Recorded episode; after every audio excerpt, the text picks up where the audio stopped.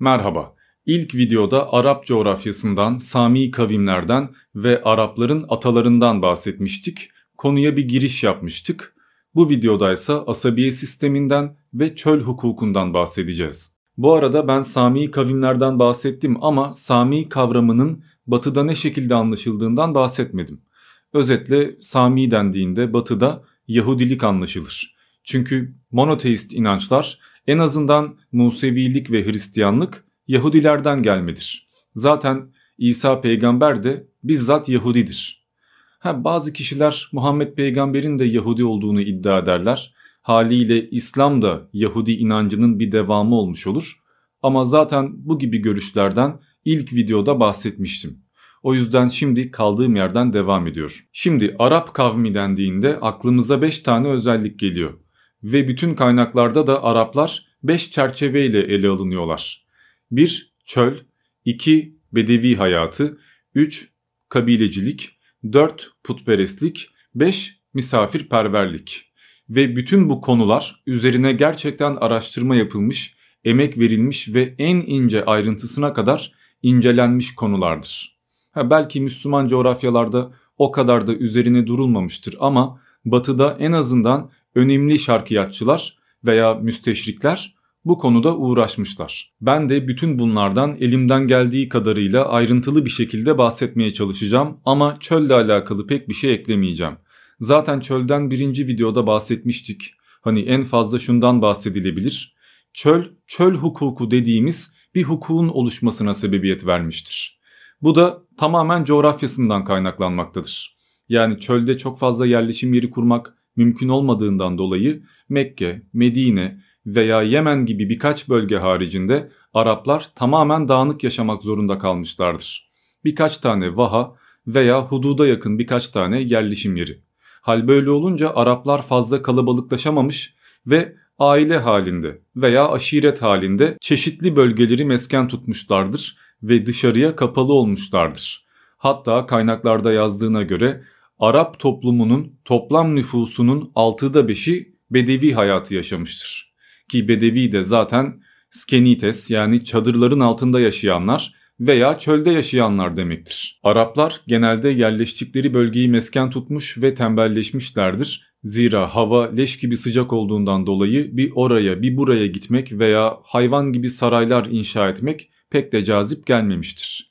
Zaten Mekke ile Medine arasında bile deve ile 11 gün sürecek bir mesafe vardır. Haliyle Araplar pek de yolculuk insanı olmamışlardır. Ve eğer yolculuğa çıkacaklarsa da birbirlerine güvenmek zorunda kalmışlardır. Zira çölde konaklayacaksın. Akrep mi gelir, yılan mı gelir, çöl tilkisi veya herhangi bir yabani hayvan mı gelir bilemezsin. Bu yüzden de nöbetleşe bir şekilde uyursun ve halkla kenetlenmiş olursun. Yani herkes birbirinin arkasını koruduğundan dolayı birbirine borçlu olur ve aynı zamanda mesafe fazla olduğundan dolayı binek hayvanları da kıymetli hale gelmişlerdir. Bir Arap için olmazsa olmaz iki hayvan vardır. Biri at, diğeri ise deve. Lakin sanıldığının aksine at daha kutsal ve daha kıymetliydi. Hatta doğa bilimcileri atın gerçek yurdunun Arabistan olabileceğini söylerler.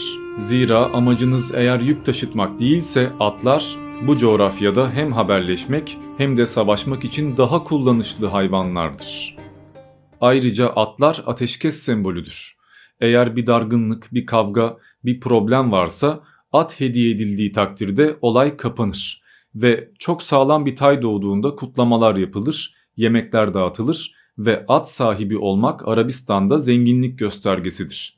Zira at çok pahalı olduğundan hali vakti yerinde olmayan bir insan ata binemez. Devenin kıymeti ise hem çok fazla yük taşıyabilmesinden hem de çölde yemek yemeden, su içmeden uzun süre seyahat edebilmesinden geliyor. E, çölde sürekli oradan oraya giden bir bedevi için deve en sadık yoldaştır.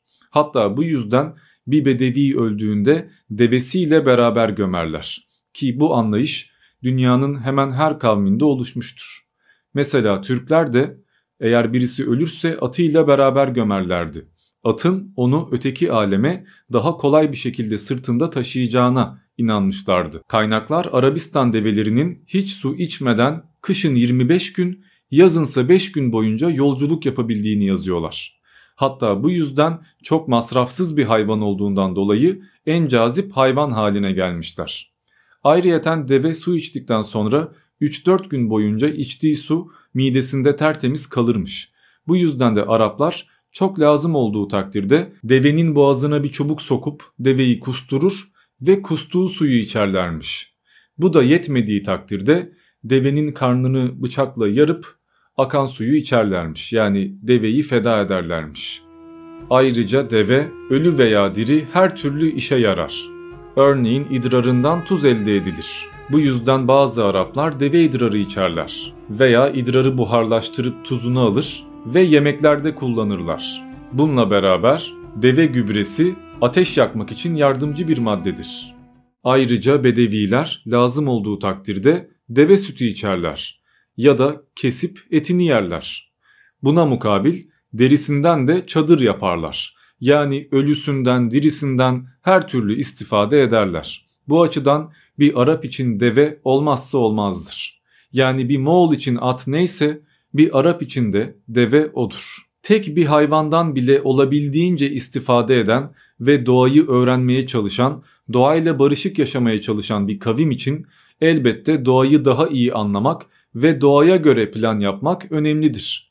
Bu yüzden de Araplarda yıldızlara bakmak, yıldızlar aracılığıyla kehanette bulunmak, geleceği görmeye çalışmak, hangi mevsimde ticaret yapacağını, hangi mevsimde göç edeceğini ve hangi mevsimde ne ekeceğini öğrenmek önemlidir.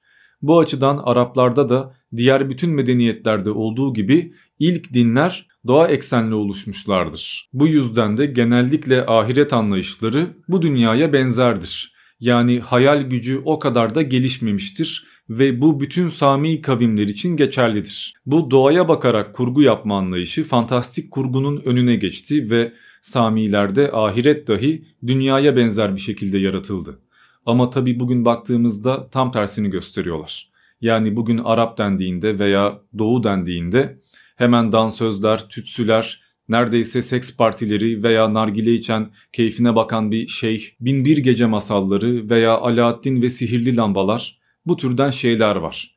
Lakin bunlar biraz yanlış ve nispeten yeni. Bu egzotizmle romantizmi birbirine karıştırıyor olmamızdan kaynaklanıyor. Samiler sürekli bir göç veya savaş halinde yaşamışlardı ve haliyle yaşam şartları sertti. Bu sebeple ahiret üzerine o kadar da düşünmemişlerdi. Onların bütün metafiziği bu dünyada görülen şeylerin bir üst versiyonundan ibaretti. Hugo Winkler bu durumu şöyle ifade ediyor. Samilerin yazdığı gerçek dünyanın büyütülmesi ve abartılmasıdır. Bir çocuğun iki ölçü şekeri gerçek bir şekerden daha cazip bulması gibi. Kısacası Samilerde savaşçı olanlar galibiyetin ve darmadağın edilmiş on binlerce düşmanın bulunduğu bir öte alem, teknik becerisi olanlarsa devasa saraylar ve akıl almaz yapıların bulunduğu görkemli dünyalar hayal etmişlerdir. Bu sebeple Arap paganizmi dahil birçok inancın ahiret kavramı zayıftır. Zira Samiler bu dünyanın gerçek olmadığı fikrine o kadar da aşina değillerdi. Gerçi tarihe baksalar belki fikirleri değişirdi. Çünkü Büyük Sargon, Hammurabi veya Nebukadnezar gibi insanların onca servet ve orduya rağmen yok olduklarını ve birçok krallığın onca ihtişama rağmen tarihe gömüldüğünü görmüşlerdi. Bütün bu imparatorluklar ve tanrı krallar şu an yalnızca kitaplarda yaşıyorlar. Haliyle acaba bu dünya geçici de gerçek olan dünya başka bir boyutta mı diye sormak pek de zor gelmemeli. Ki bir süre sonra gelmeyecek zaten. Yahudi inancıyla beraber Hristiyanlığın da ortaya çıkmasıyla bambaşka bir dönem başlayacak. Sami demişken ilk videoda İslam camiasında Arapların Nuh'un üç oğlundan birisi olan Sam'ın soyundan geldiğine dair bir inancın olduğundan bahsetmiştim zaten. İnanca göre Aramiler, Süryaniler, Asuriler, İbraniler, Himyeriler ve Araplar böyle ortaya çıkmışlardır. Bu kavimler arasındaki dini benzerliklerin sebebi de buradan kaynaklanmaktadır. İşte Arap paganizmi de bundan etkilenmiş. İster Baal isterse Enki olsun bir şekilde diğer kavimlerdeki inançlar Arap paganizmine sirayet etmişler. Fakat bütün buna rağmen Araplar bir uluhiyet kavramına sahip olmuşlar. Yani tam anlamıyla politeist veya putperest demek doğru olmaz. Arap paganizminde ruhların başında Ilu ve Ilat adında iki varlık bulunuyordu ki bunlara Rab veya Rabbat da denirdi ki bu Rab ifadesi Tevrat'ta falan da yer alır ve hem efendi hem de tanrı demektir. Ki bugün bile İngilizce'de Lord dendiğinde Lord hem tanrıdır hem de bir lord, bir efendi, toprak beyidir. Araplar bu ilahlara ya maşeba yani taş koniler ya da aşera yani tahta çubuklar aracılığıyla tapmışlardır. Maşeba daha ziyade bir put bir heykel gibi, aşera ise bir totem direği gibi ifade edilebilir. Ve Araplar bunlar aracılığıyla esasen tek bir tanrıya tapmışlardır. Diğer tanrılar örneğin Lat, Menat ve Uzza gibi baş tanrılar esasen ana tanrının kızlarıdır veya melekleridir. Hatta Araplarda ifritleri, cinleri ve doğadaki bütün varlıkları ifade etmek için Allahu Teala kavramı İslamiyet'ten önce dahi yaygındır. Ve bu benim uydurmam değildir. Bizzat ulema dahi bunu kabul etmiştir. Kaynak şu anda ekranda. Merak edenler bakarlar. Ama Müslümanlar buradaki Allahu Teala'nın bugünküyle aynı olmadığını iddia ediyorlar. Yani Araplar Allahu Teala kavramını doğa için kullanmışlar. Yani mükevvenat. Ama şimdikiler tek bir yaratıcı, tek bir ilah için kullanıyorlar. Yani bir şey diyemeyeceğim. Sonuçta iman meselesi ve isteyen istediği şekilde inanmakta özgür. Ama bunlar önemli şeylerdir. Bu yüzden de dikkate almak lazımdır. Mesela bugün karanlıkta tek başınıza yürürken, bir incir ağacının altından geçerken veya bir çöplüğün kenarından geçerken ya da tuvaletinizi yaparken destur çekmeniz antik Araplardan kalma bir gelenektir. Çünkü onlar da doğa ruhlarından, ifritlerden ve cinlerden korunmak için bu tür faaliyetler öncesinde bir takım sihirli sözler söylerlerdi veya dua ederlerdi. Ayrıyeten bu kötü varlıklardan korunmak maksadıyla muska takarlardı. Ama elbette bütün bunlar Arapların kendi yaratımları değildi. Ya Babil'den, Asur'dan, Mısır'dan kalma birçok inanç vardı ve özellikle de İbraniler tarafından Arap paganizmi epey bir şekillendirilmişti. Bu açıdan Arap paganizmi epey sankretize ve girift bir paganizmdir ki İslamiyet'te de bu paganizmden kalma bir takım adetlerin veya öğretilerin bulunması enteresandır. Zira bu Kur'an'ın nasıl olup da hem Antik Mısır'dan hem Babil'den hem İbrani kitaplarından hem de Zerdüştilikten izler barındırdığını gösteriyor gibi bir şeydir. Örneğin Arapların kutsal saydığı Hubal taşının bir benzeri çok daha önce Asur'da Hobal adıyla vardır. Bu put kırmızı akik taşından yapılan insan biçimli bir heykeldir ve Kureyş'in savaş ilahıdır. Lat ilahı ise Taif'in baş tanrısıdır ve Errabbe adıyla bilinmektedir. Ayrıca Lat, Yunan paganizmindeki Leto'yla da bir benzerlik taşımaktadır. Uzza, Gatafa'nın baş ilahıdır ve Venüs'ün temsilidir. Ayrıca zenginlik tanrısıdır. Yani Plüton'dur. Menat adındaki tanrı ise Medine'deki Evs ve Hazrek kabilelerinin baş putudur ve şans ilahıdır. Bunlar haricinde Yaus, Yauk, Nesr, Ved ve Süva gibi başka başka ilahlar da vardır. Bu ilahların büyük bir kısmı diğer kavimlerden devşirilmiştir. Özellikle de M.Ö. 3. yüzyıldan itibaren Arabistan'da iyice güç kazanmaya başlayan Yahudilerin Midraşim edebiyatı geç dönem Arap paganizmini epey bir etkilemiştir. Zira Arapların taptığı birçok ilah esasen Yahudi edebiyatında adı geçen meleklerin bir varyantıdırlar. Bizim baş melek dediğimiz güçler Araplarda doğa ilahı olmuşlardır. Yahudilerin Elohim dediği kutsal varlıklar Araplarda El İlah adını almışlardır. Zaten Eloh ve ilah kelimelerinde bile bu benzerlik görülmektedir. Tevrat'taki baş tanrı olan Yehova veya Yahve ki bu ayet gönderen yani İslamiyet'teki Allah'a tekabül eden varlıktır. Esasen tek başına iş gören bir varlık değildir. Tevrat'ta dahi Rab ifadesiyle örneğin Lut kavmini teftişe gidildiği zaman üç varlığın ortaya çıktığı söylenmektedir. İbrahim karşısında üç kişi, üç melek veya Rabbi görmüştür. Ve bu varlıklar gidip teftişte bulunup istihbaratı Yahve'ye göndermişlerdir. Yani Yahve melekleri veya yardımcıları aracılığıyla bilgi edinmeye çalışan bir varlıktır. Ya da doğayı yarattığı varlıklar aracılığıyla yönetmektedir. İşte baktığınızda bu tanrı Araplarda Lat, Menat ve Uzza aracılığıyla doğayı yönetmekte olan bir gök tanrısına tekabül eder. Ve Araplar da tek bir tanrı kabul etmiş olsalar da bu diğer varlıkları yardımcı tanrıları aracı görmüşlerdir. Mesela İslamiyet'te de Mikail, Cebrail, İsrafil ve Azrail vardır. Gerçi Azrail adı Kur'an'da yer almıyor ama Müslümanlar bir şekilde bu isimle bir meleği de oluşturmayı başarmışlar. Zaten İsrafil kıyamet vaktinde sura üflemekle görevli, Mikail doğa olaylarıyla, felaketlerle, yıldırım, şimşek veya depremlerle görevlendirilmiş ve Cebrail ise vahyi iletmekle mükellef olmuş. Yani bir Arap paganı bugün yaşasa ve Müslümanlara baksa e, siz de bizim gibi putperestsiniz. Bizler yalnızca bir takım heykellerle ve objelerle bu varlıkları sembolize etmiştik. Sizler herhangi bir heykelle veya fotoğrafla bunları göstermiyorsunuz. Böyle diyecektir. Çünkü Arap paganları bu varlıklara direkt olarak tapmıyorlardı. Onları aracı görüyorlardı yani şefaat dileniyorlardı. E bugün baktığınızda bir takım tarikatlarda, cemaatlerde şeyhlere şefaat dilenme amacıyla tapan insanlar yok mu? Tek fark Arap paganları kendi yaptıkları putlara tapmış ve onlar aracılığıyla şefaat istemişler. Bugünkü insanlarsa halen yaşamakta olan veya birkaç yıl önce ölmüş olan hocaları kullanıyorlar. Özetle söylemeye çalıştığım şey şu.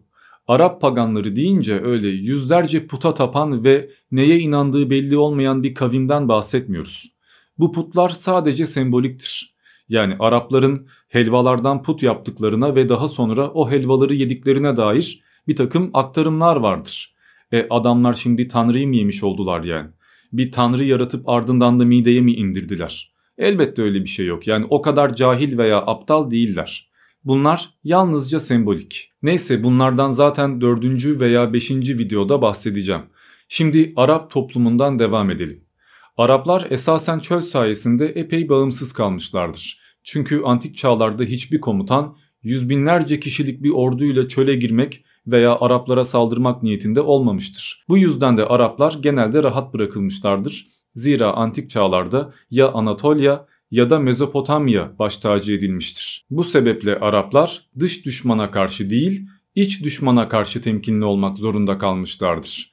Zira her bölge başka bir kabileye ait hale gelmiş ve bir takım kabileler fazla kuvvetlendikleri zaman savaş çıkarmaya veya başka kabileleri boyunduruk altına almaya başlamışlardır. E, bunca kabileden mürekkep bir coğrafyada herkesi bağlayacak, herkesi engelleyecek ve herkesin sorumlu olacağı genel bir yasa gerekmiştir. İşte bu da asabiyet veya çöl hukuku diye ifade ettiğimiz Arap kültürüdür. Gerçi kabile diyorum ama daha kabile sistemine gelmedik. Lakin zamanla özellikle de milattan önce 500'lerde Babil'den gelen büyük göç yüzünden Araplarda bir birleşme mecburiyeti baş gösterdi. Aşiretler dediğimiz aileler çeşitli anlaşmalarla bir araya geldiler ve kabile halini aldılar. Her kabile belli bir kasabayı veya şehri ana yurdu belledi. Fakat Mekke ve Medine gibi büyük bölgelerde her ne kadar lider bir kabile bulunsa da tek bir kabile tek başına yeterli değildi. Zira bu bölgeler kozmopolitlerdi. Yani buralarda birbirinden farklı birçok halk yaşamaya başlamıştı. Ama hiçbir zaman Arap topraklarında büyük bir imparatorluktan veya krallıktan bahsetmek mümkün olmamış. E bütün topraklara hükmeden ve nerede ne yaşanırsa hesabını sorabilecek bir kral veya hükümdar çıkmadığından dolayı her kabile kendi mensuplarıyla ilgilenmek ve onları yönetmek mecburiyetindeydi. Yani bir kabile mensubu başka bir kabileyle çatışmamalı ve problem çıkarmamalıydı. Bu yüzden de genelde karşılıklı anlaşmalara imza atılırdı ama anlaşmalar yazılı bir şekilde değil sözlü bir şekilde yapılırdı. Eller sıkılır, yemin edilir ve anlaşmadan cayılmayacağına dair namus ve şeref sözü verilirdi ki zaten bir kabile anlaşmayı bozduğu takdirde diğer hiçbir kabile onunla iş yapmazdı. Bir kere anlaşmadan cayan bir daha cayar, öyleyse boykot etmek, ticareti engellemek ve dışlamak, bu türden sahtekarlarla iş yapmayı kesmek en doğru olandır diye düşünürlerdi. Bu yüzden de Arap coğrafyasında toplum baskısı veya diğer kabilelerle iyi anlaşmak, el alem ne der korkusu epey baskındı. Ayrıca antlaşmalar babadan oğula geçebildiği gibi yüzlerce yıl boyunca devam edebiliyordu. Bu yüzden de anlaşmaya sadık kalmak, atalarına da sadık kalmak şeklinde anlaşılıyordu. Babam ne demişse o, atam ne yapmışsa o, dedem neye inanmışsa o ve Kur'an da ya ataları hiçbir şey bilmeyen ve yanlış yolda olan kimselerse kabilinden bir cevap vermiştir. Ki bence epey mantıklı bir cevaptır. Kabileler arasında ilişkileri iyi tutmak ve sağlama almak için öncelikle birçok erkek evladınızın olması yani soyunuzun yürümesi ve kalabalık olmanız epey elzemdir. Bununla beraber iyi bir hitabete sahip olmak yani bir ticaret yapacağınızda karşı tarafı kazıklıyormuş gibi görünmeden istediğiniz tarafa çekmek, istediğiniz miktarda ve fiyatta anlaşmak yani bir şekilde tatlı dille yılanı deliğinden çıkarmak epey önemliydi. Hatta bu Araplardaki belagat kültürünün de temelidir. Ve Araplarda ticaret epey önemlidir. Hani bugün derler ya pazarlık sünnettir. İşte bu zaten tüm Arapların peygamber yokken dahi yaptıkları bir şeydir. Zira büyük bir anlaşmaya varacağınızda olabildiğince karlı bir şekilde çıkmanız lazımdır. Bu yüzden de Araplar genelde büyük bir işten önce rakipleriyle görüşür, ona iltifat eder, güzel konuşur, hatta mümkünse evine misafir eder, en iyi şekilde ağırlar ve eğer varsa kızlarını karşı tarafa verirlerdi. Yani kan bağı sağlarlardı. Arada kan bağı olduktan sonra yani resmen bir aile olmaya başladıktan sonra zaten hiçbir taraf karşı tarafa yanlış yapmayacaktır. Benzer şekilde Muhammed peygamberin de ilk dört halifeyle yani Ebu Bekir'le, Ömer'le, Osman'la veya Ali ile akrabalık ilişkileri kurduğunu görüyoruz. Ha, zaten daha öncesinden de akrabalık ilişkileri vardı ama kız almalar, kız vermeler bu türden şeyler aralarındaki bağı daha da sağlamlaştırmış. Ama elbette bir tek evlenmelere dayalı diplomatik ilişkilere güvenmek doğru olmaz. Bu yüzden de gerçekten iyi anlaşabilmek amacıyla sağlam bir belagate sahip olmak önemli. Zaten bu Araplardaki en önemli özellik. Hemen her Arap potansiyel bir hafızdır. Araplarda birçok şiiri ezberlemek, hatta 3-4 saat süren şiirler okuyabilmek, hikaye anlatmak bunlar epey kıymet gören ve itibar kazandıran işlerdir. Ukkas panayırı gibi önemli panayırlarda resmen Homerosvari bir şekilde destan okumaları yapıldığı, en uzun destanı okuma şeklinde veya en güzel şiiri okuma şeklinde edebiyata dair yarışmalar yapıldığı ve birinci gelen şiirin şairinin adıyla beraber Kabe duvarına asıldığı hemen her kaynakta yazar. Hatta William Jones Mekke tapınağında uzun yıllar boyunca asılı kalmış olan 7 popüler Arap şiirini tercüme etmiştir ve uzmanlara göre bu şiirlerde kullanılan dil daha sonra Kur'an'da dahi tekrarlanmıştır. Bu panayırlar, festivaller ve yarışmalar Mekke'de düzenlendiği için Mekke'nin kültür, edebiyat ve dini açıdan son derece gelişmiş olduğu belli. Hatta bütün Arap topraklarında din özgürlüğünün en geniş bulunduğu ortam muhtemelen Mekke'ydi. Hatta Mekke din işini ticarete alet etmiş ve Kabe'nin dinsel bir merkez olma avantajını kullanıp bütün Arap topraklarındaki putları Kabe meydanında bir araya toplamıştır. Böylece birbirinden bağımsız birçok kabile toplu bir şekilde Mekke'ye hac yapmaya veya başka bir iş için Mekke etrafından geçerken ibadet etmeye gelebilecekti. Eh bu adam Mekke'ye geldiğinde ne yapacak? Bir tek ibadet etmeyecek. Panayırlarda para harcayacak, belki alışveriş yapacak, bir şekilde Mekke'ye para kazandıracak. Ayrıyeten Mekke'ye sahip olan kabileyi görecek, ne kadar haşmetli, ne kadar kudretli olduklarını anlayacak ve geri döndüğünde halkına onlardan bahsedecek. Ve bu durum Mekke'ye hem para hem de şöhret kazandıracak. Bu açıdan Mekke'ye sahip olmak demek hem güç hem para hem de şöhret sahibi olmak demek. Ki bilindiği gibi peygamber devrinde Bu kabile Kureyş kabilesiydi. Ve Kureyş kabilesi ticarete o kadar çok önem vermişti ki hemen hemen her mensubu tüccardı ki peygamber dahi bunlardan biriydi. Kureyş ticaretin çoğunluğunu Habeşistan'la yapardı ama diğer Hristiyan devletlerle de bir takım anlaşmalara imza atmıştı. Zaten o kadar önemli bir merkeze sahip olan bir kabile diğer devletlerle dış dünyayla da ilgilenmek zorunda. Yani diğer imparatorluklardan veya diğer ticaret ağlarından haberdar olmaması imkansızdır.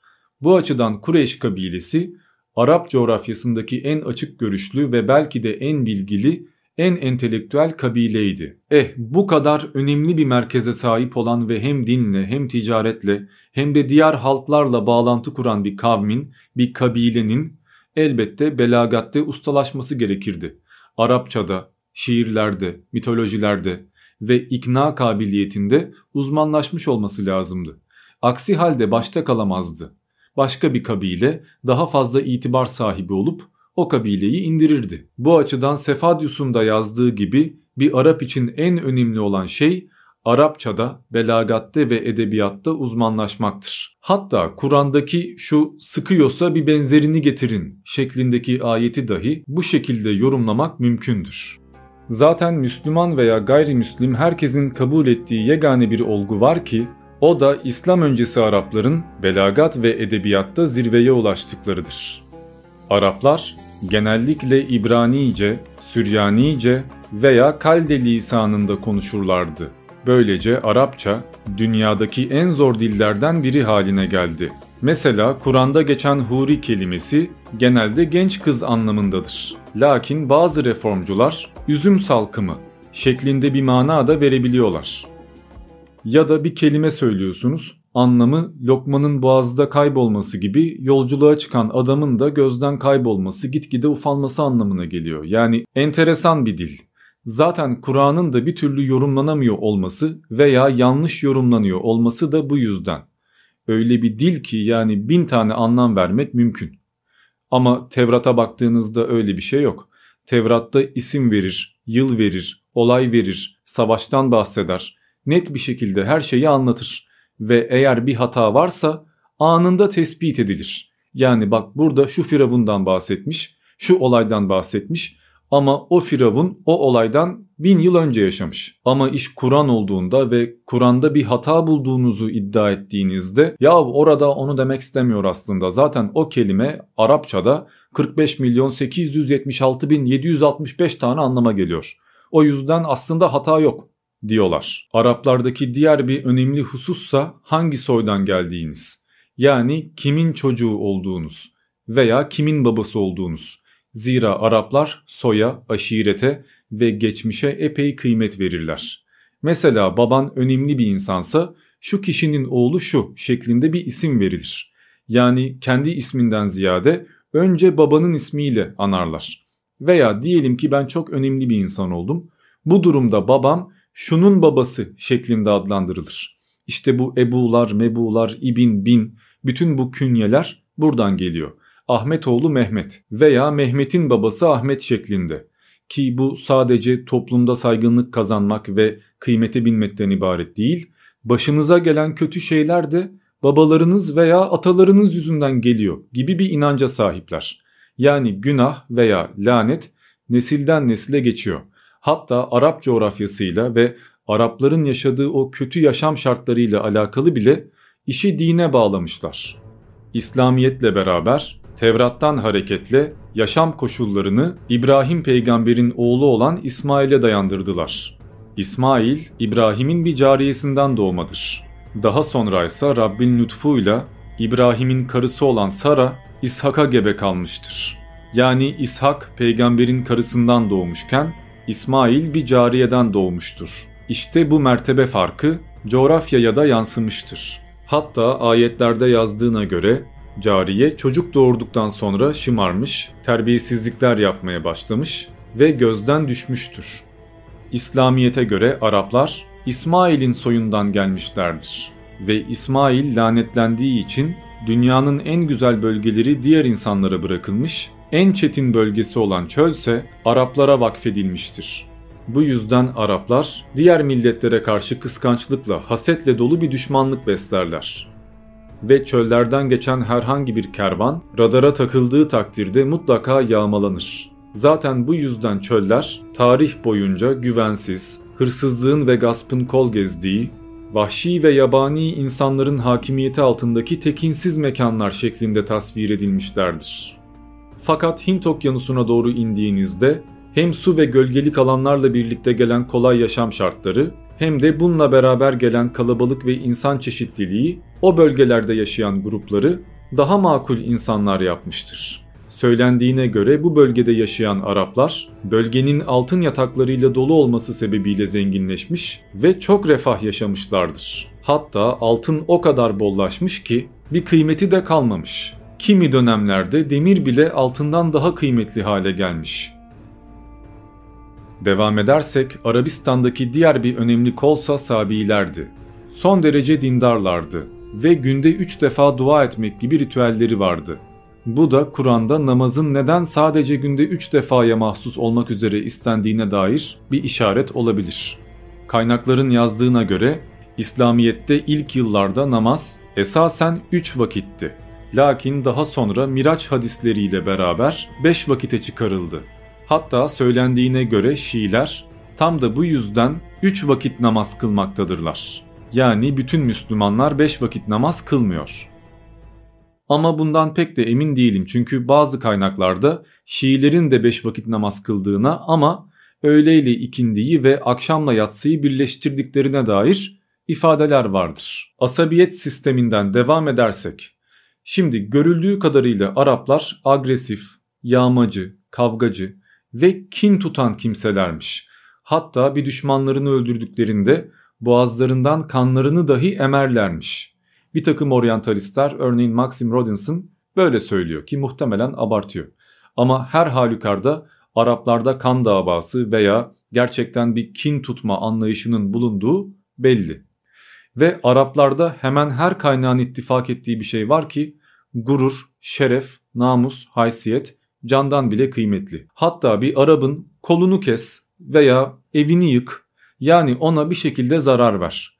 En fazla yapacağı şey kısasa kısas mantığıyla aynı şeyi sana yapmaktır. Ama bir Arap'ın avradına veya sakalına laf ettiğin takdirde kan çıkar.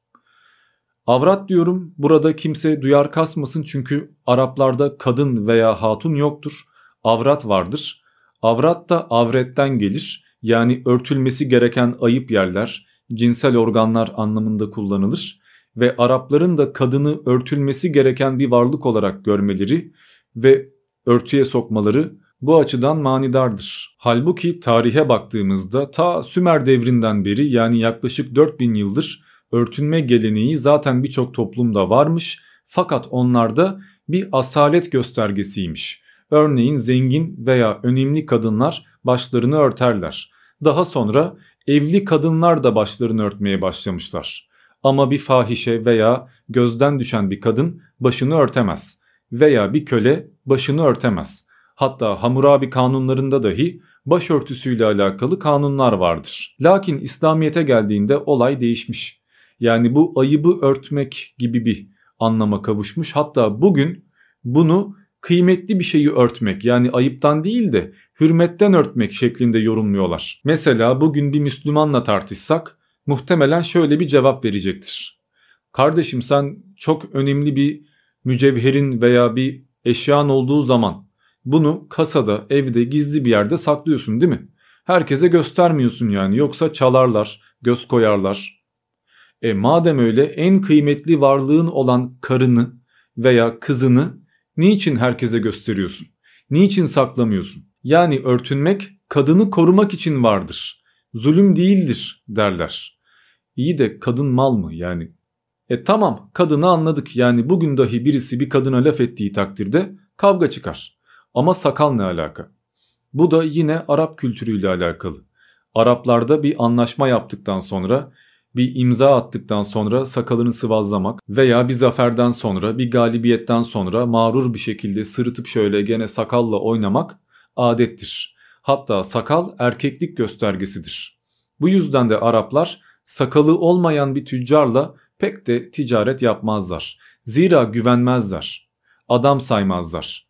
Ki bu bugün bile devam ediyor aşağı yukarı. Diyanet veya bir takım hocalar halen daha sakalı olmayan erkekle alakalı saçma sapan şeyler paylaşıyorlar. Halbuki peygamberle savaşan müşrikler de sakallı insanlardı. Ve bugün sakal sünnettir lakin peygamberle alakası yoktur. Zaten Araplarda sakal bırakmak bir yerde mecburiyettir. Bir de kan davasından bahsetmek lazım. Şimdi Araplarda kanın bedeli kandır ve bu kesinlikle kabul görmüş bir şeydir. Mesela benim kabilemden bir çocuk karşı kabileden bir çocuğu öldürdüyse karşı kabileden o çocuğun yakınları bu benim kabilemdeki katil çocuğu öldürmeye hak kazanmışlardır. Ve kimse buna engel olamaz. Yani vay işte dur öldürmeyin hata etti falan demek yok. Birisi öldürdüyse eğer karşılığında canı alınır. Lakin Araplar bununla da yetinmezler. Ve öldüren kişiyi değil, öldüren kişinin bir yakınını öldürmeyi tercih ederler. Mesela diyelim ki benim evladım karşı taraftan birini öldürdü.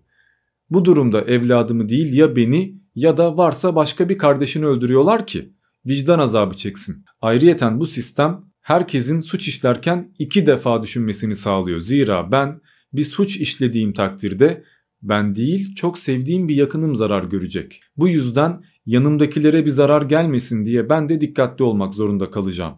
Ve bu diğerleri için de geçerli. Yani herkes bir diğerinden sorumlu olmuş olacak.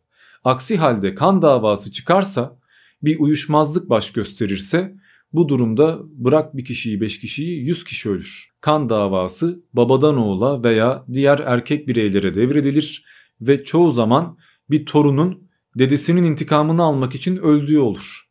Yani yıllar boyunca, kuşaklar boyunca devam eder. Bu yüzden de olay kan davasına bağlanmadan ya tatlı dilde anlaşmak bir şekilde olayı tatlıya bağlamak ya da paşa paşa kan diyetini ödemek gerekir. Ama bazen olayın tatlıya bağlandığı da olur ve herhangi birisi ölmeden 10 deve karşılığında olay tatlıya bağlanır. Zira Arabistan'da bir can karşılığı 10 devedir. Ama genelde Araplar intikam almayı tercih etmişler. Ve bir iki kişinin yaptığı suç veya hata yüzünden masumları katletmişler. Bu aynı zamanda herkesin herkesten sorumlu olmasını ve herkesin herkese karışabilmesini sağlıyor. Zira bir kişinin yaptığı bir hata bütün kabileyi bağlıyor. Para karşılığında suçu affettirmek muhabbetine geldiğimizde ise bu da başka başka problemler yaratabiliyor. Mesela böyle bir durumda en zengin olan en çok suçu işleyen kişi olacaktır. Zira adam istediği her şeyi yapıp 10 deve 20 deve ne kadar lazımsa verip sıyrılabilecektir.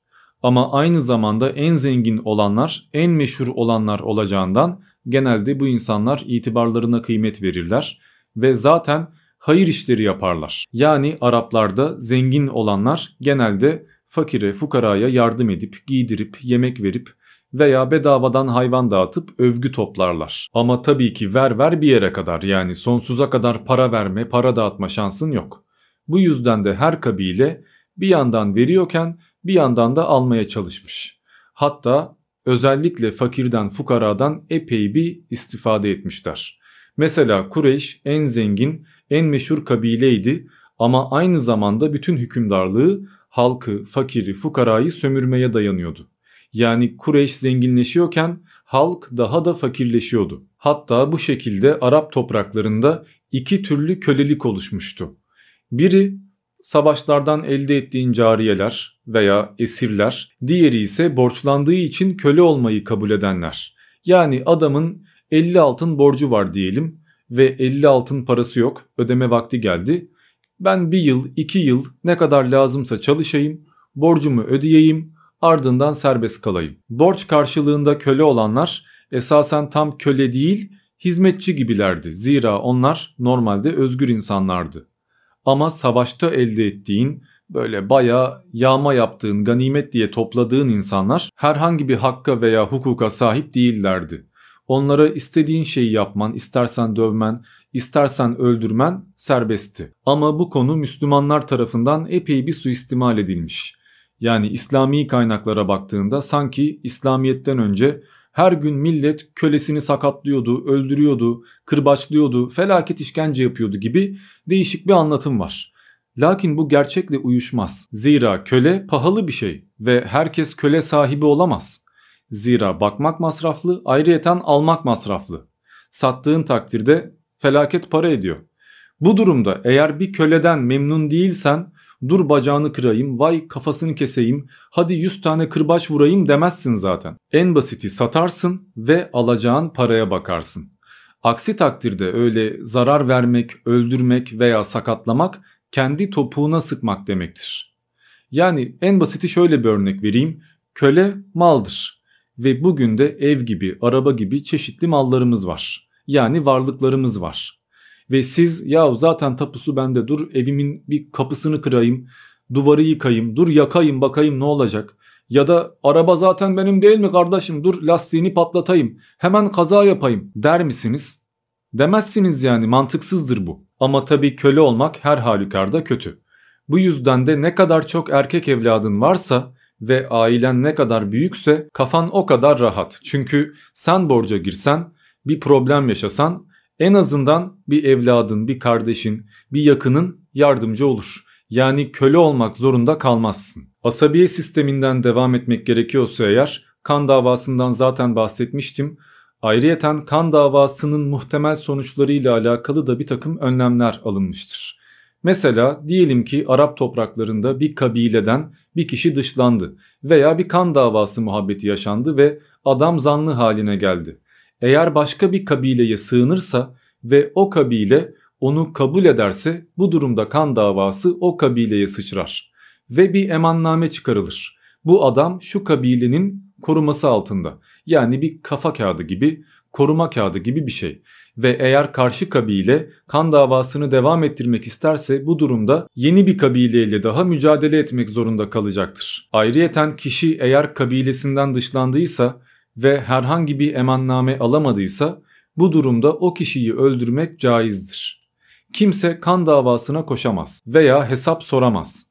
Bu yüzden de Araplarda bir misafir kabul etmek veya bir sığınmacı kabul etmek epey zordur. Birine misafir olmak ve misafir almak en önemli işlerden biridir. Zira bütün kabileyi, bütün aşireti ilgilendirmektedir. Emanname ile alakalı ek bir bilgi daha vermek gerekiyorsa eğer, bir dönem Muhammed peygamber de benzer bir problemle karşı karşıya kalmıştır. İslamiyet'i yaymaya başladığı ilk yıllarda amcası Ebu Talip onu korumuştur. Bu yüzden de diğer aileler Muhammed peygamberle çok fazla uğraşamamışlardır. Ebu Talip öldükten sonra başa Ebu Leheb gelmiştir. O da en başında korumuştur. Fakat hem diğer kabileler tarafından yapılan baskılara mukavemet gösterememiş hem de Muhammed peygamberin Mekkeli müşrikleri cehennemlik, yoldan sapmış veya bu gibi ifadelerle suçlaması yüzünden Ebu Leheb bir yerden sonra artık Muhammed peygamberi kovmuştur.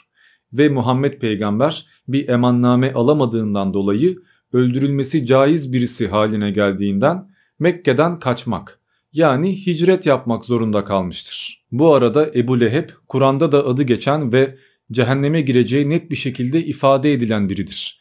Zaten Ebu Leheb adı da bu yüzden verilmiştir. Ebu Leheb ateşin babası demektir. Yani Müslümanlar bu adam cehennemlik zaten diye ateşlik bir isim vermişler. Gerçi bazı kaynaklar özellikle Müslüman kaynaklar ya çok çabuk kızardı hemen yanakları kıpkırmızı olurdu bu yüzden de babası ona ateşin babası hani ne kadar ateşli ne kadar kızgın bir çocuk anlamında bu ismi vermişti derler. Lakin bana pek de mantıklı gelmedi. Bu arada Ebu Leheb'in gerçek adı Abdül Uzza'dır ve Abdül Uzza Uzza'nın kulu veya hizmetkarı anlamındadır. Hatta Abdullah da Allah'ın kulu veya Allah'ın hizmetkarı anlamında benzer bir isimdir. Ayrıca Araplarda eğer bir kabile başka bir kabileyle savaştıysa ve mağlup olduysa yapabileceği iki şey vardır. Ya galip gelen kabileye boyun eğecek ve onlara dahil olacak ya da gururundan, onurundan madem kaybettik artık bu topraklarda işimiz yok deyip bütün kabile halinde başka bir bölgeye yerleşecekler. Eğer yerleşecek başka bir bölge veya sığınacak başka bir kabile bulurlarsa ne ala. Bulamazlarsa kader putuna yani Menat'a kalmışlar demektir. Bu açıdan Araplarda kadere iman epey önemli bir şeydir. Zira yeri geldiğinde başınıza ne geleceğini kader belirler. Ve benzer bir olay Muhammed devrinde de yaşanmıştır. Muhammed peygamber birçok Yahudi kabilesine saldırmış, bir kısmını fethetmiş, bir kısmını katletmiş, bir kısmını ise göç etmeye zorlamıştır. Zaten bunlardan ileriki videolarda bahsedeceğiz. Ayrıyeten şu cahiliye devrinde Araplar kız çocuklarını diri diri gömüyorlardı. O kadar vahşilerdi. Muhabbetini de ya dördüncü videoda ya da 5. videoda ele alacağız. Şimdi videonun başında bahsettiğim şu Arap misafirperverliği muhabbetinden biraz bahsedeyim ve videoyu bitirelim. Araplar dendiğinde akla misafirperverlik gelir zira Araplar misafirperverliği iyice abartmışlardır. Araplar her ne kadar yağmacı ve gaspçı insanlar olsalar da misafire ceplerindeki bütün parayı hatta kölelerini dahi verirler. Ki bununla alakalı en meşhur 3 hikayeyi paylaşsam herhalde yeterli olacaktır. İlk hikayeye göre bir gün Arap'ın birine bir misafir gelmiş ve Arap misafire o kadar çok hürmet etmiş ki babadan kalma yadigar kılıcı haricinde elindeki bütün malı, mülkü, altını, her şeyi vermiş ve o şekilde uğurlamış. İkinci hikayede ise Şeyh Kais'e misafir olmaya gelen birisi Şeyh Kais uyumakta olduğundan dolayı onun bir cariyesiyle karşılaşmış ve cariye adama 7000 altın ve birçok deve vermiş. O şekilde göndermiş. Şeyh Kais de sabah uyandığında ulan ne abartmışsın ya biraz daha az verseydin demektense oh iyi yapmışsın keşke biraz daha verseydin demiş. Üçüncü hikaye ise Kör Hatem diye birinden bahseder. Hatem yaşlı ve iki tane kölesi yardımıyla yürüyebilen, tek başına sağa sola gidemeyen kör bir insandır. Ve bir gün ona misafirliğe birisi geldiğinde verecek hiçbir malı olmadığından o iki köleyi hediye etmiştir. Tabi bunlar muhtemeldir ki uydurmadır, abartıdır ama nihayetinde Araplarda misafirperverliğin epey kutsal olduğu da bir gerçektir. Zira Araplarda tanrı misafiri dediğimiz yolculuğa çıkmış muhtaç olan bir adama yardımcı olmamak en büyük suçtur. Hiçbir kabile bunu hoş karşılamaz. Öyle ki eğer sana sığınan kişi kan davalı olduğun, normalde öldüreceğin biri ise bile sana sığındığı takdirde öldürmen yasaktır. Ona en iyi şekilde bakman, ağırlaman ve göndermen lazımdır. Yani iş misafirlik olduğunda kan davaları dahi askıya alınır. Oo ne iyi ortammış ya. Madem öyle ben de her gün bir yere misafirliğe giderim. Hiç çalışmaya bile gerek kalmaz. Bedavadan mal mülk diye düşünenler varsa eğer o iş o kadar kolay değil. Bir yere misafir olduğunuzda o evin, o aşiretin kan davasını ve her şeyini yüklenmiş oluyorsunuz. Örneğin ben misafirliğe gittiysem ve misafirliğe gittiğim esnada bir çatışma bir olay yaşandıysa kendim ölmek pahasına ev sahibini korumak zorundayım. Ayrıyeten daha sonra ihtiyaçları olduğu takdirde tekrardan yardıma koşmam gerekir. Yani misafir öyle keyfine göre her yere gidip bedavadan yiyip içip kalkamaz. Zira iki tane aşirete misafirliğe gittiyse ve yarın öbür gün bu iki aşiret kan davalı hale geldiyse hangi tarafta savaşacağı belli değildir. Ve hangi tarafta savaşırsa savaşsın diğer tarafın misafirlik hakkını çiğnemiş olacağından ömür billah bir daha o adama kimse bakmaz. Ki esasında şu misafirperverlik muhabbeti bol bol dağıtmak veya ilişki kurmaktan ziyade yeri geldiğinde gerçekten de malını mülkünü paylaşabilmekle alakalı. Yani para göz olmasınlar diye yapılan bir şey ki benzeri de zaten Kur'an-ı Kerim'de vardır. Mesela zekat her yıl malından belli bir bölümü misafir olsun veya olmasın muhtaç insanlara dağıtmak ve parandan feda edebilmek, hepsi benim, hepsi benim olacak kafasından kurtulmak epey elzemdir. Bu açıdan hem Araplardaki o verebildiğin kadar verme mantığına bir ket vurulmuştur hem de öte yandan komple kendinize saklamak ve dünya malına olabildiğince kıymet vermek mantığından uzaklaşılmıştır. Bu açıdan zekat gerçekten takdire şayan bir uygulamadır tebrik etmek lazım. Ve bence yeterince konuştuk. Yani dilimde tüy bitti ve daha söylenecek çok şey var. Ama merak etmeyin eksik kalan taraflar ilerleyen videolarda zaten doldurulacaklar. Öyleyse şimdilik bu kadar. Ben Diamond, diğer videolarda görüşmek üzere.